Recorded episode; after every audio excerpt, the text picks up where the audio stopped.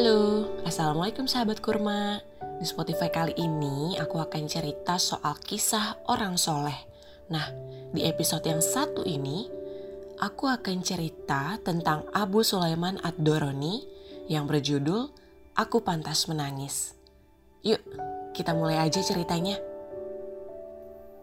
Dikisahkan cerita dari Ahmad bin Abu Al-Hawari. Ia berkata, Ketika aku menemui Abu Sulaiman Ad-Doroni, ia sedang menangis. Maka aku bertanya, Tuan, apa yang membuat Anda menangis?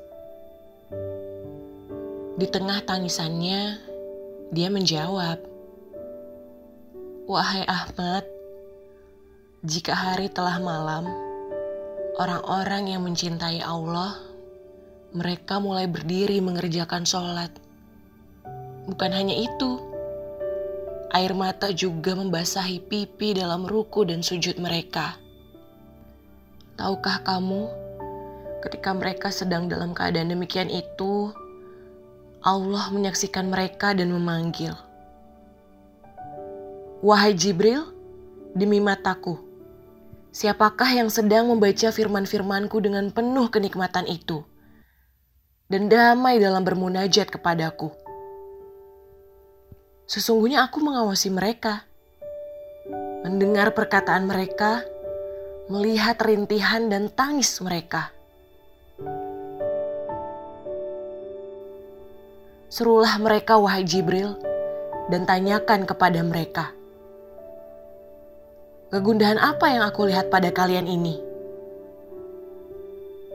Apakah telah datang seseorang kepada kalian yang menyampaikan berita bahwa seorang yang kalian sayangi sedang disiksa dalam neraka?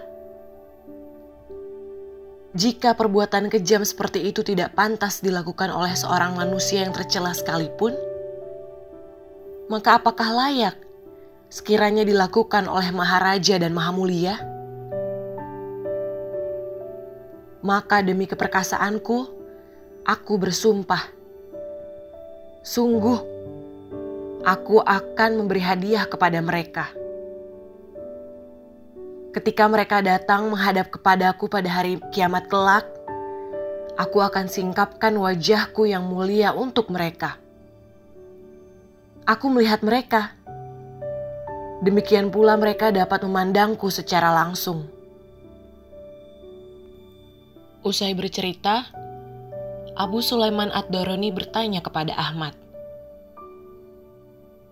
Wahai Ahmad, jika seperti itu, apakah engkau masih akan mencelaku?